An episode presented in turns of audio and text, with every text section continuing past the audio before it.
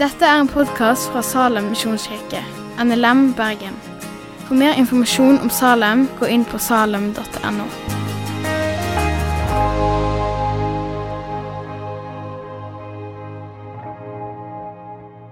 Kjære far, nå trenger vi din hjelp. Vi trenger din ånd til å lytte og til å forstå og til å se dine sannheter.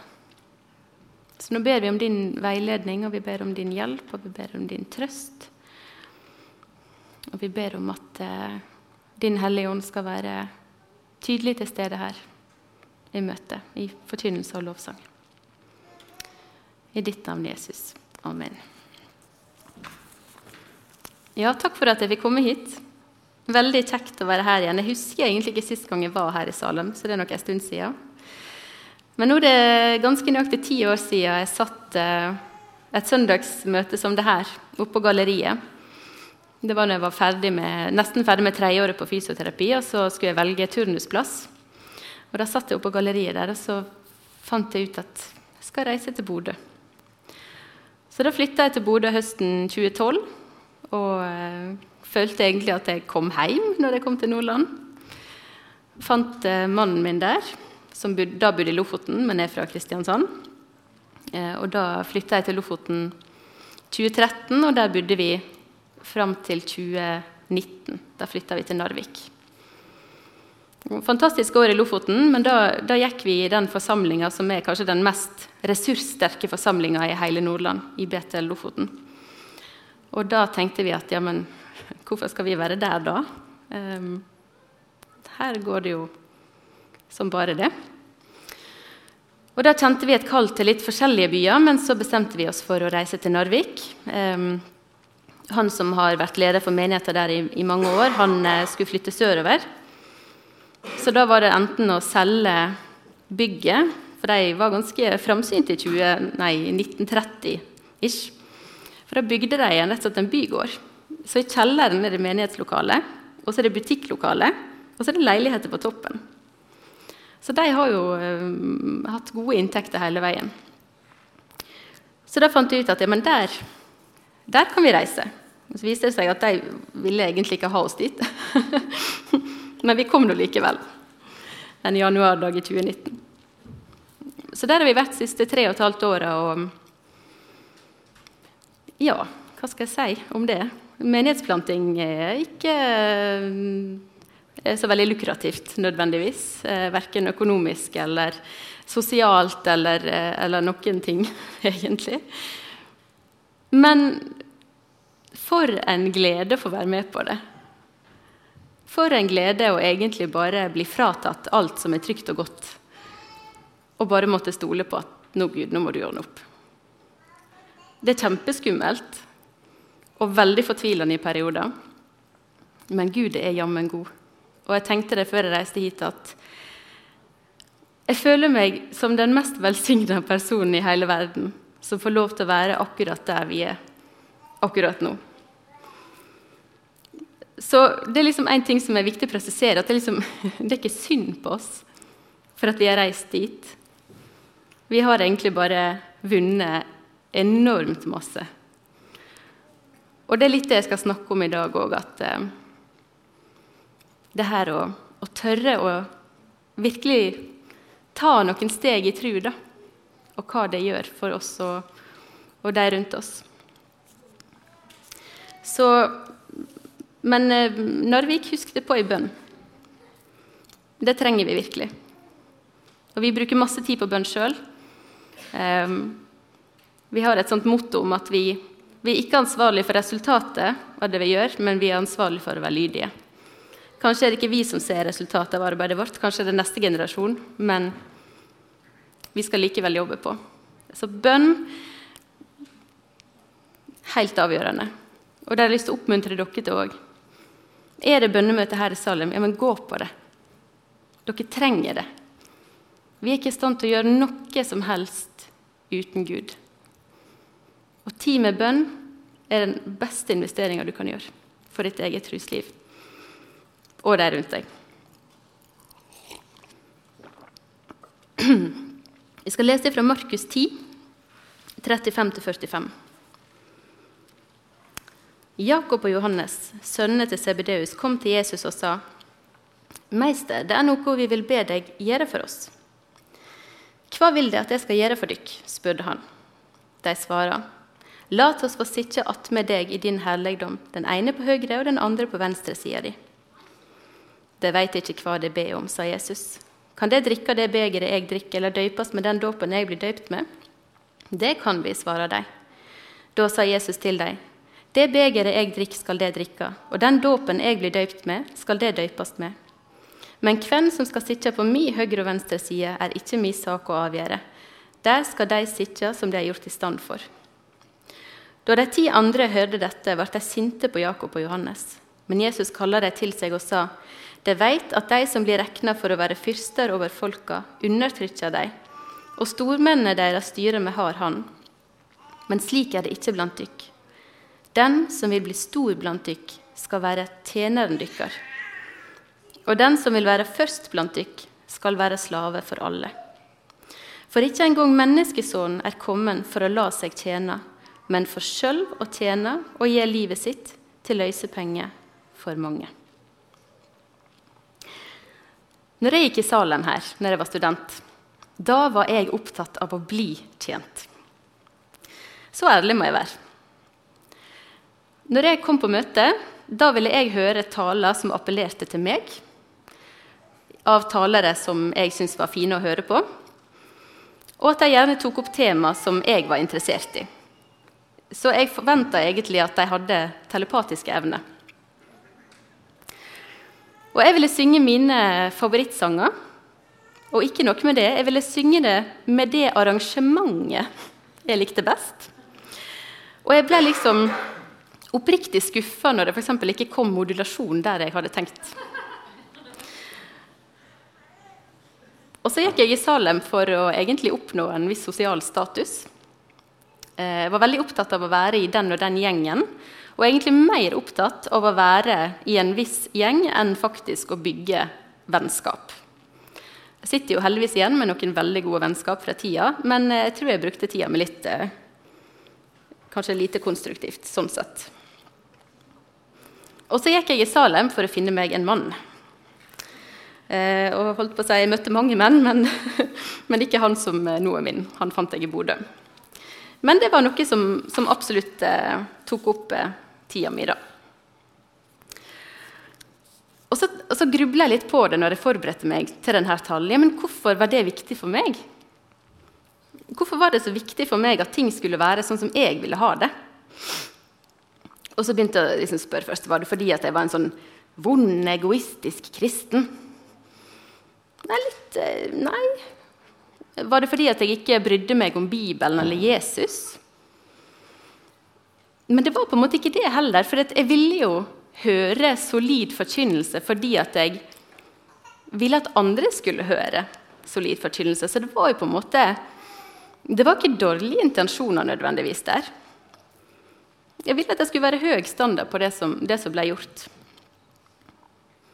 Så jeg tror egentlig at grunnen til at jeg ville ha det sånn som jeg ville ha det, var fordi at jeg ville ha påfyll når jeg kom på møte. Og det er jo for så vidt greit nok, det. Det er jo bra. Jeg ville ha åndelige opplevelser med Gud. Jeg ville ha en nærere relasjon til Gud. Og det er jo vel og bra. Men det interessante er at jeg trodde at det bare kunne skje hvis alle disse faktorene klaffa. hvis det kom modulasjon der, og hvis den taleren kom. Og, og, hvis du driver litt med sannsynlighetsrekning, så skjønner en jo her at sannsynligheten for at alt det her skulle klaffe, den var veldig lav. Men intensjonen var god. Den var veldig god, men jeg bare brukte litt feil metoder for å komme dit. Og vi skal lese ifra Markus 10, fra vers 17. Jesus og denne rike mannen. Da Jesus skulle fare derifra, kom det en mann springende, fall ned på kne for han og spurte, Gode mester, hva skal jeg gjøre så jeg kan få evig liv? Men Jesus sa til han, Hvorfor kaller du meg god? Bare én er god, det er Gud.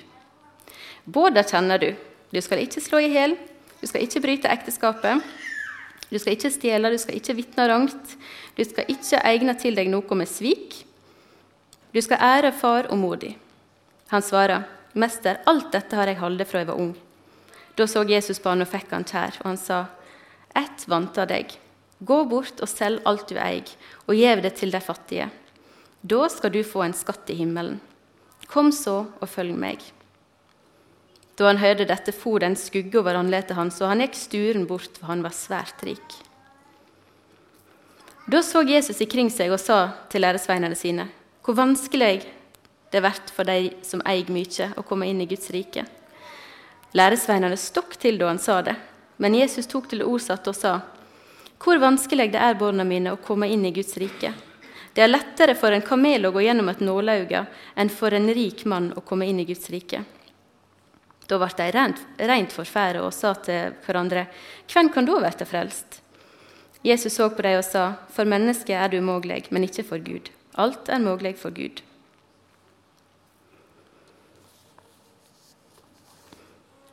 Og Her var det òg en mann. sant? Han kom til Jesus med gode intensjoner. Hva var det han sa for noe? Hva skal jeg gjøre så jeg kan få evig liv? Det var det han kom og spurte. Og så spurte Jesus, ja, og så sa Jesus det her og det her og det her. Ja, det har jeg. Ja, men det mangler én ting. Gå bort og selg alt du eier. Og det han egentlig spurte om, kanskje egentlig Jesus, det var Er du villig til å stole på meg? Er du villig til å gi opp det som du setter din lit til? Gjør det, og så kom og følg meg. Så så det var litt sånn likheter mellom meg og han, fordi vi ville begge komme nærmere Gud, men på vår måte. På våre preferanser. Men så er det sånn med Guds rike at uh, det er interessante prinsipp der. For hvis vi skal vokse nærmere Gud og få ei tru som stikker djupere Jo, hva er det da vi skal søke? Hvor er det vi da skal leite for å finne det her? For å finne det her livet som Gud har for oss. Og da står det i Lukas 9,29. Eh, Så sa han til dem alle.: Vil noen følge etter meg, må han si nei til seg sjøl, og dag for dag ta krossen sin opp og følge meg. For den som vil berge livet sitt, skal miste det. Men den som mister livet sitt for min skyld, skal berge det. Hva gagner det et menneske om det vinner hele verden, men mister seg sjøl og går til grunne? Og igjen i Markus 10, 43-45. Den som vil bli stor blant dykk, skal være tjeneren dykkar. Og den som vil være først blant dykk, skal være slave for alle. For ikke engang menneskesonen er kommet for å la seg tjene, men for sjøl å tjene og gi livet sitt til løsepenger for mange. Ganske stor kontrast mot det at jeg kom på møte og tenkte at nå skal noen komme hit og tjene meg og legge til rette for meg, mens Guds rike fins i det å tjene andre. Og der er det kanskje noen av dere og jeg har tenkt det sjøl, som kan bli litt sånn OK, takk for meg, jeg vil ikke høre mer om det her. Um, og det forstår jeg godt, fordi at de versene her er jo helt enorme, de utfordringene som kom, Jesus kommer med her. Altså at en må være en slave for andre. Ja, kjempespennende. Eller at en må miste livet for å vinne. Det er ikke sånn kjempeappellerende, egentlig. Ikke så enkelt å selge inn nødvendigvis. Men det Jesus sier, er det som er sant. Og når en får disse her på en måte kravene mot seg, da, at en skal være en tjener, så kan det være veldig fort gjort å tenke ja, men ok, men hva har jeg igjen for det? Hva er gevinsten min i det her? Fordi at vi vil jo ha det bra, og det skal vi ha. Og det skal vi se på, men jeg har først lyst til å, å minne oss sjøl på hva vi allerede har fått. Jeg skal lese Filippe-brevet 2. 1-13. For det er ikke sånn at Jesus bare lemper over et krav på oss om at ja, dere skal være tjenere. Men han var jo først en tjener for oss. Han er det største eksempelet på det å legge ned livet for andre for at de skal finne, kunne vinne livet. Så Vi leser i eh, Filippabrevet 2, fra vers 1. Når det nå er trøyst i Kristus, kveik i kjærleiken, samfunn i anden, og så sant det fins medkjensle og miskunn, så gjør mi glede fullkommen. Vær samlynte, hold sammen i kjærleik, vær ett i hug og tanke. Gjør ikke noe av sjølvhevding eller lyst til tom ære, men vær audmyke og sett de andre høyere enn deg sjølve. Tenk ikke bare på det som gagner deg sjølve, men tenk òg på det som gagner de andre. La det samme huglaget være i dykk som òg var i Kristus Jesus. Da han var i Guds skapnad, holdt han det ikke for et rov å være Gud lik. Men han gav avkall på sitt eget, tok på seg en tjeners skapnad og ble menneskelik. I si ferd var han som et menneske. Han nedra seg sjøl og ble lydig til døden, ja, døden på krossen. Derfor har Gud storleg opphøgd han og gjeve han det navn som er over alle navn. Så hvert kne skal bøye seg i Jesu navn, i himmelen, på jorda og under jorda, og hver tunge sanna at Kristus er Herre, til Gud Faders ære.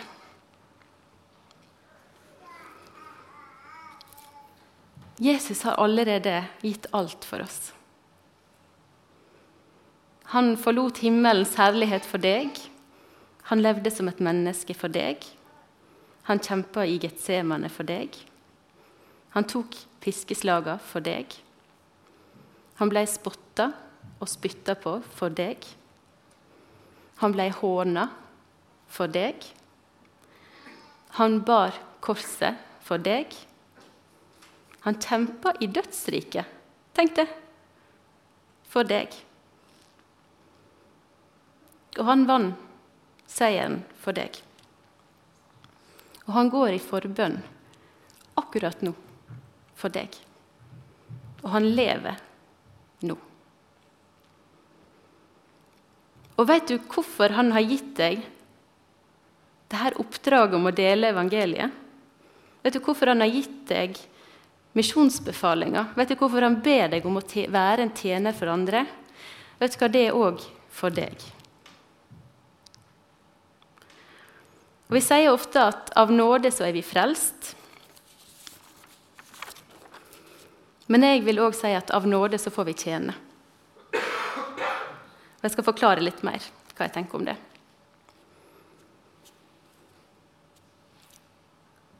Fordi at Jesus trenger ikke oss fordi han har dårlig tid. Han trenger ikke oss fordi eh, han ikke klarer noe. Gud er allmektig. Så å bruke oss til å tjene, det er òg for vårt eget beste. Vi lever i en verden som er veldig sånn opptatt av det som er synlig. Vi, vi, ser på en skjerm og vi ser på en TV, og vi er veldig opptatt av at uh, ting skal se bra ut og osv. Så, videre, så, så vi er veldig sånn, opptatt av alt som er veldig synlig. Uh, og når det kommer til utfordringer, så vi veldig, henger vi oss opp i de utfordringene som er synlige. Da, sant? Venneregninger du får i posten som du sliter med å betale. Timeplanen som ikke går opp. Um, pensumbøkene for dere som er studenter, som bare skriker på deg fra pulten. liksom. Veldig sånn synlige utfordringer. Men òg i menighetssammenheng at eh, å, det kommer færre på møte, eller at mikrofonen røyk, eller at det var tomt for tvist, eller sånne ting som det der. Altså de, de synlige utfordringene. Men én ting som jeg tenker at vi må minne oss sjøl på som kristne, det er at våre største utfordringer ikke handler om det som er synlig, men det som er usynlig. For vi er Vi lever i en åndelig verden, vi lever i en åndelig kamp. Og de største utfordringene vi har som kristne, er nettopp den kampen som foregår der. Eh, Charles, Charles Spurgeon har et uh, nydelig sitat. Han sier det at uh, Consider how precious a soul must be when both God and the devil are after it.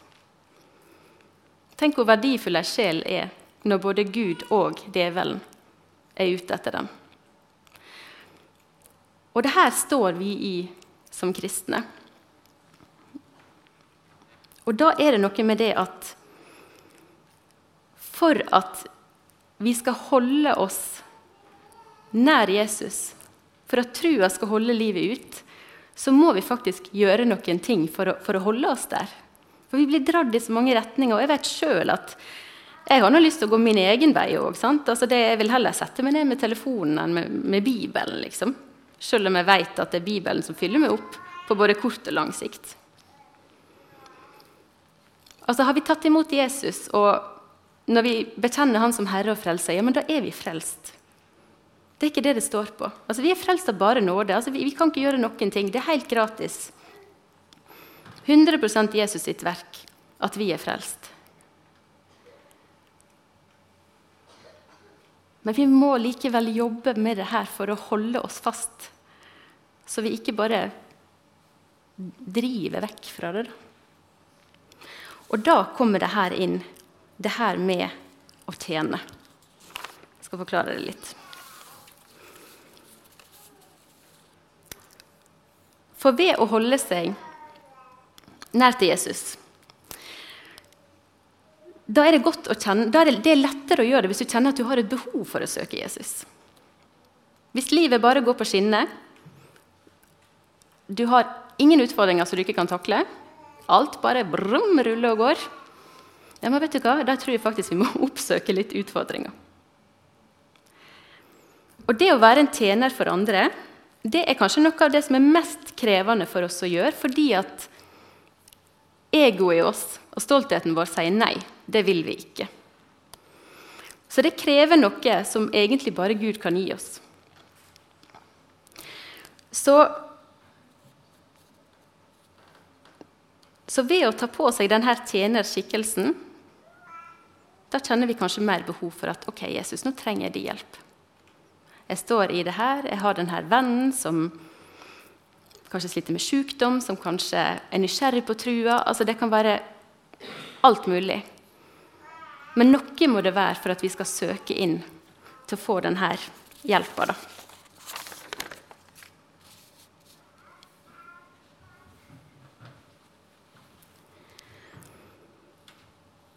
Og, og, Jesus han vet det veldig godt, at det vrir seg veldig inni oss når vi får beskjed om at hvis du vil følge meg, da må du si nei til deg sjøl.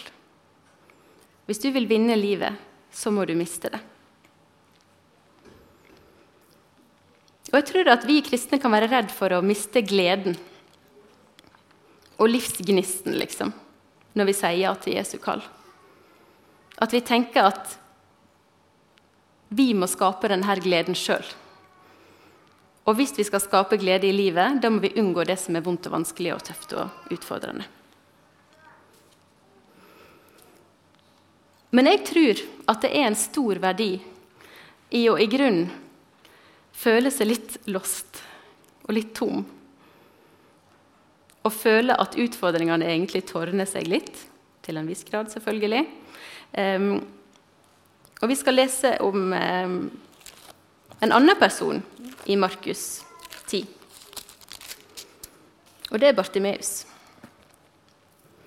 Så Markus 10, 46.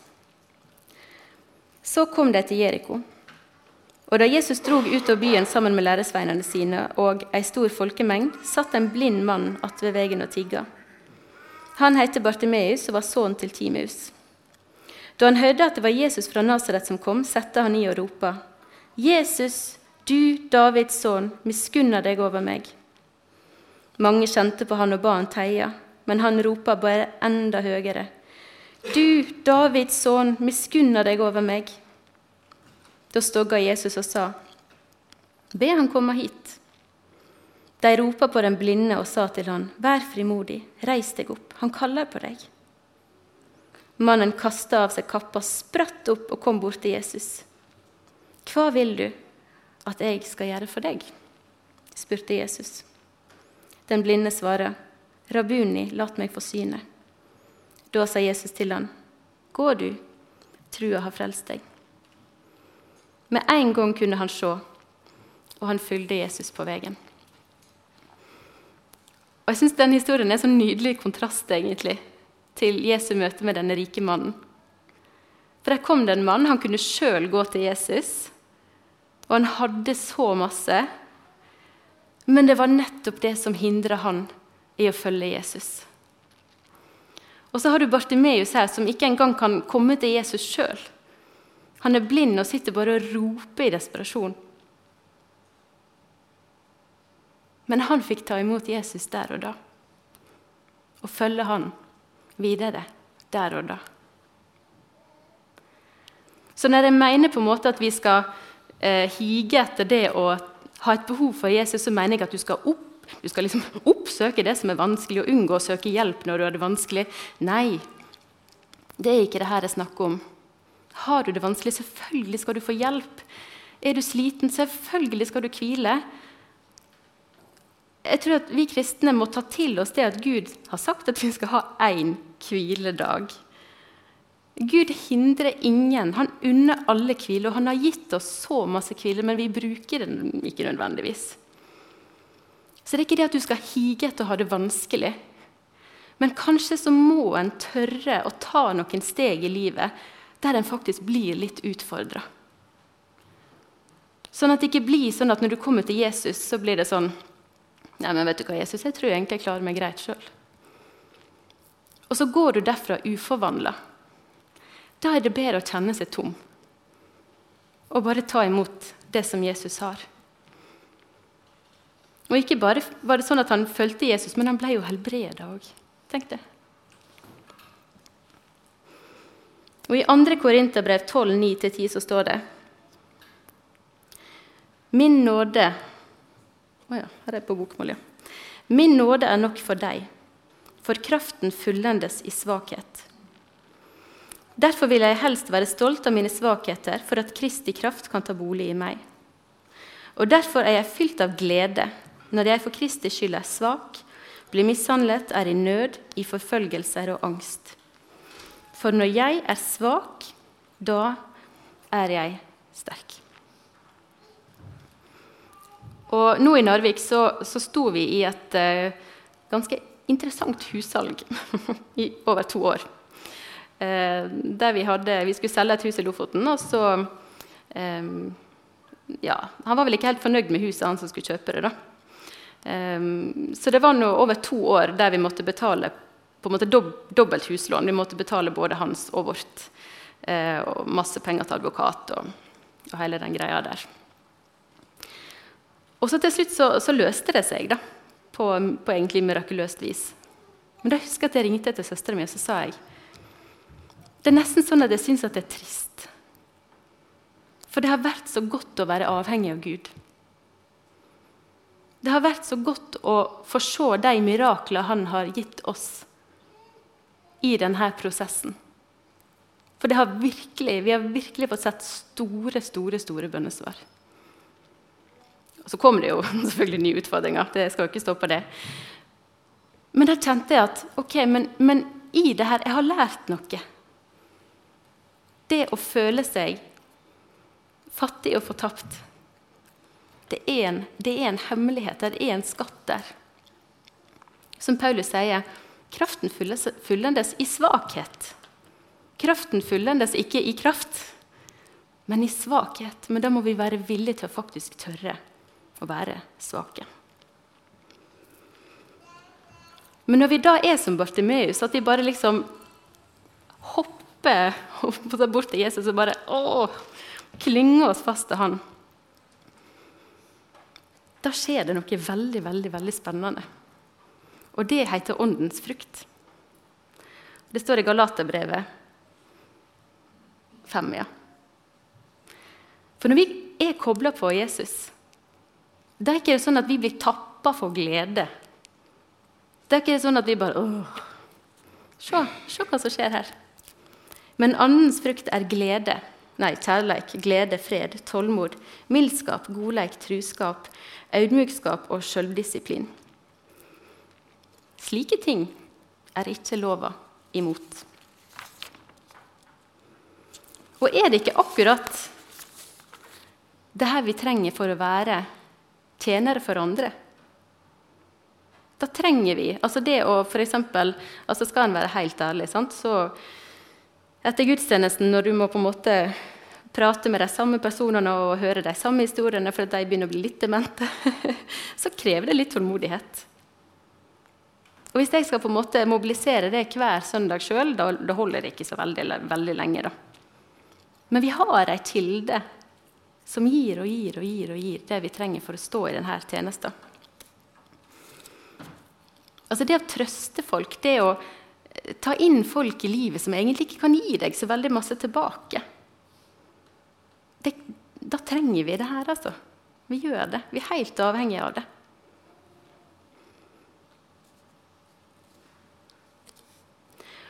Og når vi blir avhengige av Jesus, når vi trenger han, når vi søker inn til han i Bibel, i bønn, i fellesskap, da skjer det noe interessant til. Og det er at da tar vi på oss Guds fulle rustning.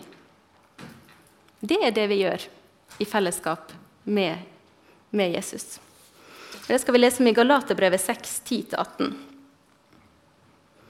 Til sist bli sterke i Herren i Hans veldige kraft. Ta på dykk hele Guds rustning, så det kan stå fast mot djevelens listige åtak.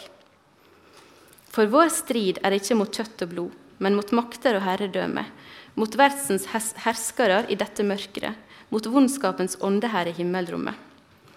Ta derfor hele Guds rustning på, så det kan gjøre motstand på den vonde dagen, vinne overalt og bli stående. Stå da fast, spenn sanninga til beltet om livet, ta rettferda til brynje og snør fredens evangelium til skor på føttene, så de er klare til å gå. Lyft trua høgt til skjold i alt som hender. Med det kan det sløkke alle brennende piler fra den vonde. Ta frelsa til hjelm og grip Andens sverd, som er Guds ord. Gjør dette i bønn og legg alt framfor Gud. Be alltid i Anden. Vak og hold ut i bønn for de hellige. Så altså, hvis vi skal prøve å liksom få et lite resonnement her Hvis vi vil komme nærmere Gud, hvis vi vil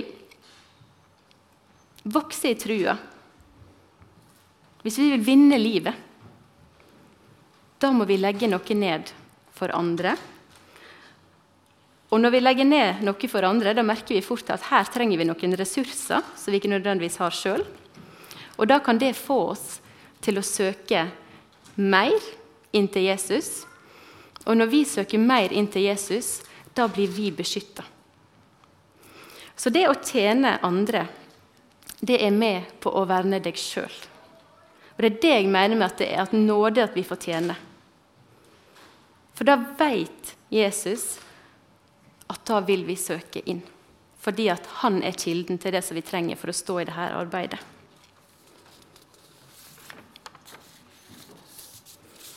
Og det vil jeg bare si Dette er et av mine favorittvers.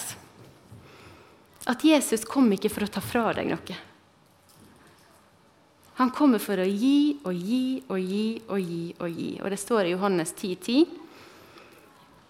Tyven kommer bare for å stjele og drepe og ødelegge. Ikke Jesus. Han kommer ikke for å stjele og drepe og ødelegge. Jesus er kommet for at dere skal ha liv og overflod. Liv og overflod. Og for at det står en annen plass at gleden vår skal være fullkommen. Tenk det.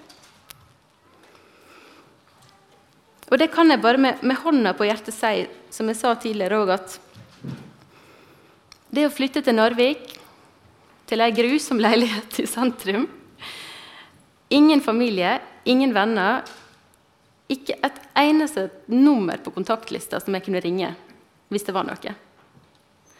Helt på bar bakke. Til og med en menighet som ikke ville at vi skulle komme dit. Vi har blitt venner nå, da, men det tok litt tid. Det er den tida jeg har opplevd de største velsignelsene i livet mitt. Jeg har aldri følt meg så båret og trøsta og elska og beskytta som i den tida vi har vært i nå. Og det har fått meg til å få en helt annen desperasjon etter Guds ord og etter bønn. Og jeg bare unner alle kristne å få oppleve den tørsten der etter Guds ord. Så hvis du kjenner nå at livet ditt er veldig komfortabelt, ja, men vet du hva, gjør noe med det. Hva som helst, bare hopp i det. Og så er det sånn Ja, men vi kan ikke flytte, vi har unger. Det går helt fint. det går helt fint. Hva som helst. Du må ha noen utfordringer. Ikke for å miste livet, men for å vinne det.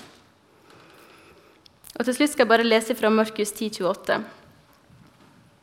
Da tok Peter til orde og sa, Hva med oss? Vi har gått ifra alt og fulgt deg. Jesus svarer, Sannelig, jeg sier dykk, ingen har forlatt hus eller brød eller søstre eller mor eller far eller barn eller åkrer for min skyld eller for evangeliets skyld, uten at han skal få det att hundre ganger. Her i denne tida skal han få hus, brød, søstre, mødre, barn og åkrer, men han skal òg bli forfulgt. Og i den verden som kommer, skal han få evig liv. Men mange som er de første, skal bli de siste, og de siste skal bli de første. Og det er min bønn for meg og dere i dag at, um, at vi skal tørre å gå på det. At vi skal tørre å miste livet for å vinne det. Amen. Takk for at du har hørt på podkasten fra Salem, Bergen. I Salem vil vi vinne, bevare, utruste og sende, til Guds ære. Vi ønsker å se mennesker finne fellesskap, møte Jesus og bli disippelgjort her i Bergen og i resten av verden. Vil du vite mer om oss, gå inn på salem.no.